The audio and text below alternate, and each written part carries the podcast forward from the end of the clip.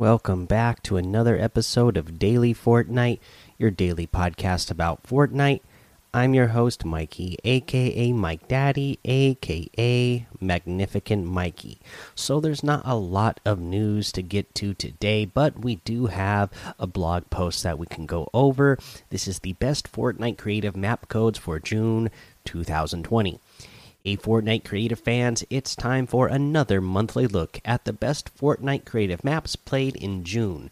This time around, there's plenty of new maps debuting on the list, as well as a resurgence from some fan favorites. See the full list below for the best, meaning most played games.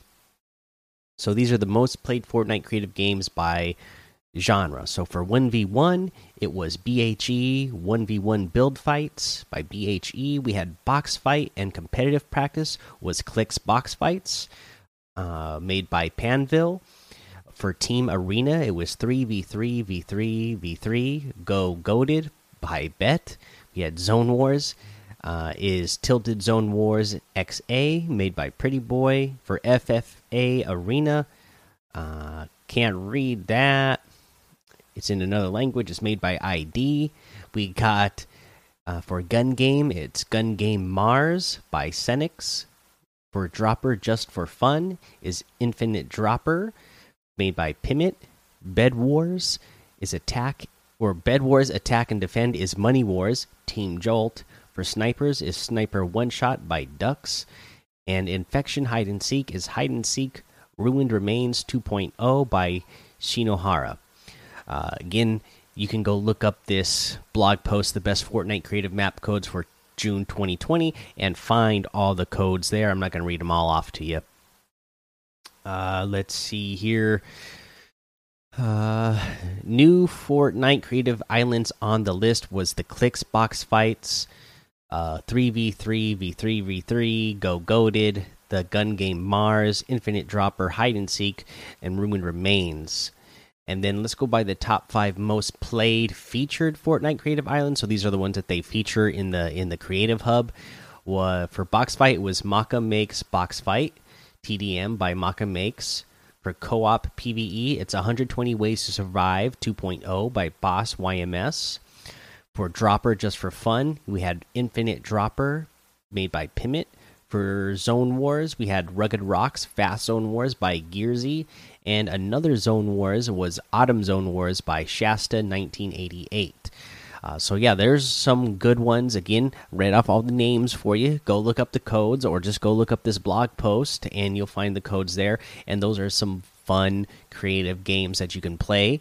Um, you know, uh, some in here for you know getting sweaty, and some just for silly, fun game modes to play with your friends and uh, just have a good time and hang out. Uh, other than that, uh, like I said, not a lot of news to get to. Uh, and you know, the, again, this week the the the weekly challenges are so straightforward. It's kind of hard to come up with tips for these. Uh, you know, we can do, you know, if you go to Salty Springs, I like landing at the house no mo most northern for Salty Springs uh, to get the ammo boxes because there's an ammo box under the stairs. You could get ammo box. Uh, in the roof. You could get an ammo box. I believe in the bedroom upstairs. There's a potential for like three or four ammo boxes in that house, the most northern house at Salty Springs.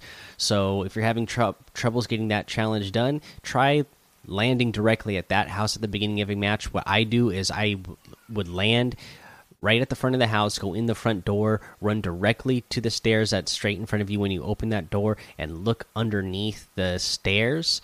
Uh, sometimes there's boxes there in the way you have to break, but uh, there's a chance that there's an ammo box there right away, and you'll for sure at least guarantee yourself one every match. I saw that. Uh, SquatingDog put out a video on YouTube on how frustrated he was trying to get this challenge done because he kept landing in places and not getting ammo boxes, and of course, Salty Springs is just, you know, even in pubs is a sweaty place to land anyways. So he was he was having a difficult time. So if you're in that type of situation, maybe try landing that house. I got it done in a couple matches.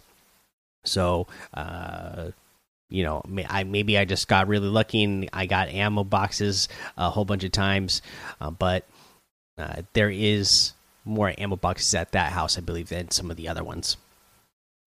Uh, let's see here. Let's go ahead and take a break. All right, let's go over today's item shop. Still have the Black Manta outfit with the Manta Pack back bling for 1,500 and the Manta Blades harvesting tool for 800. Now we got some new items in here. This is the shore leave outfit. Hit the beach and make some waves. With the Dune Tripper back bling, there's even a little pouch for sunscreen. Okay, cool.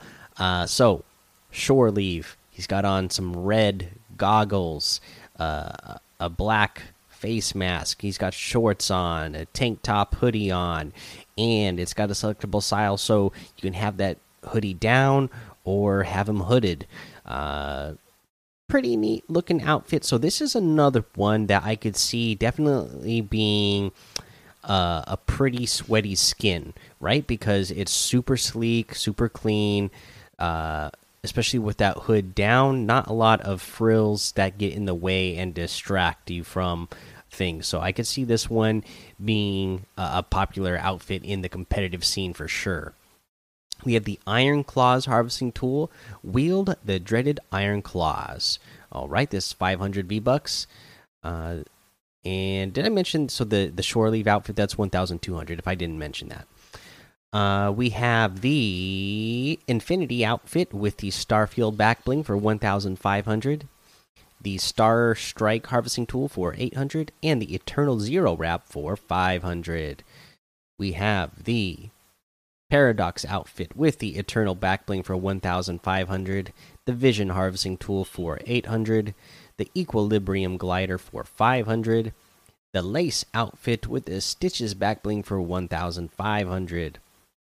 We have the Arctic Assassin outfit for 1200, the Tidal Wave wrap for 700.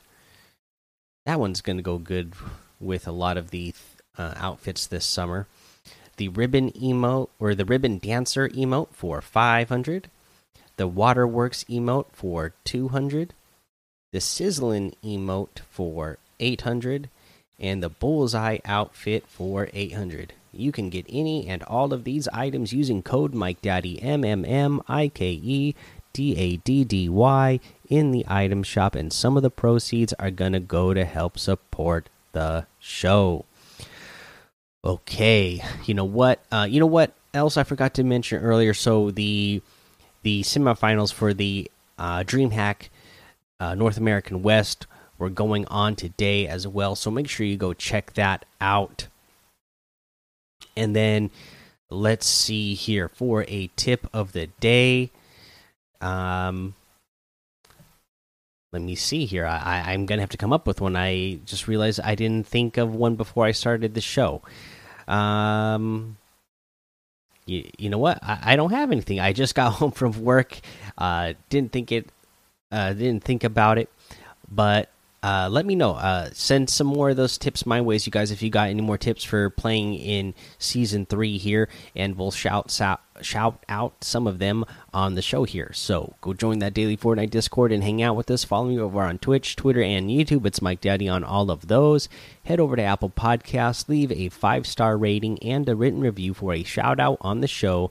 Make sure you subscribe so you don't miss an episode. And until next time, have fun, be safe, and don't get lost in the storm.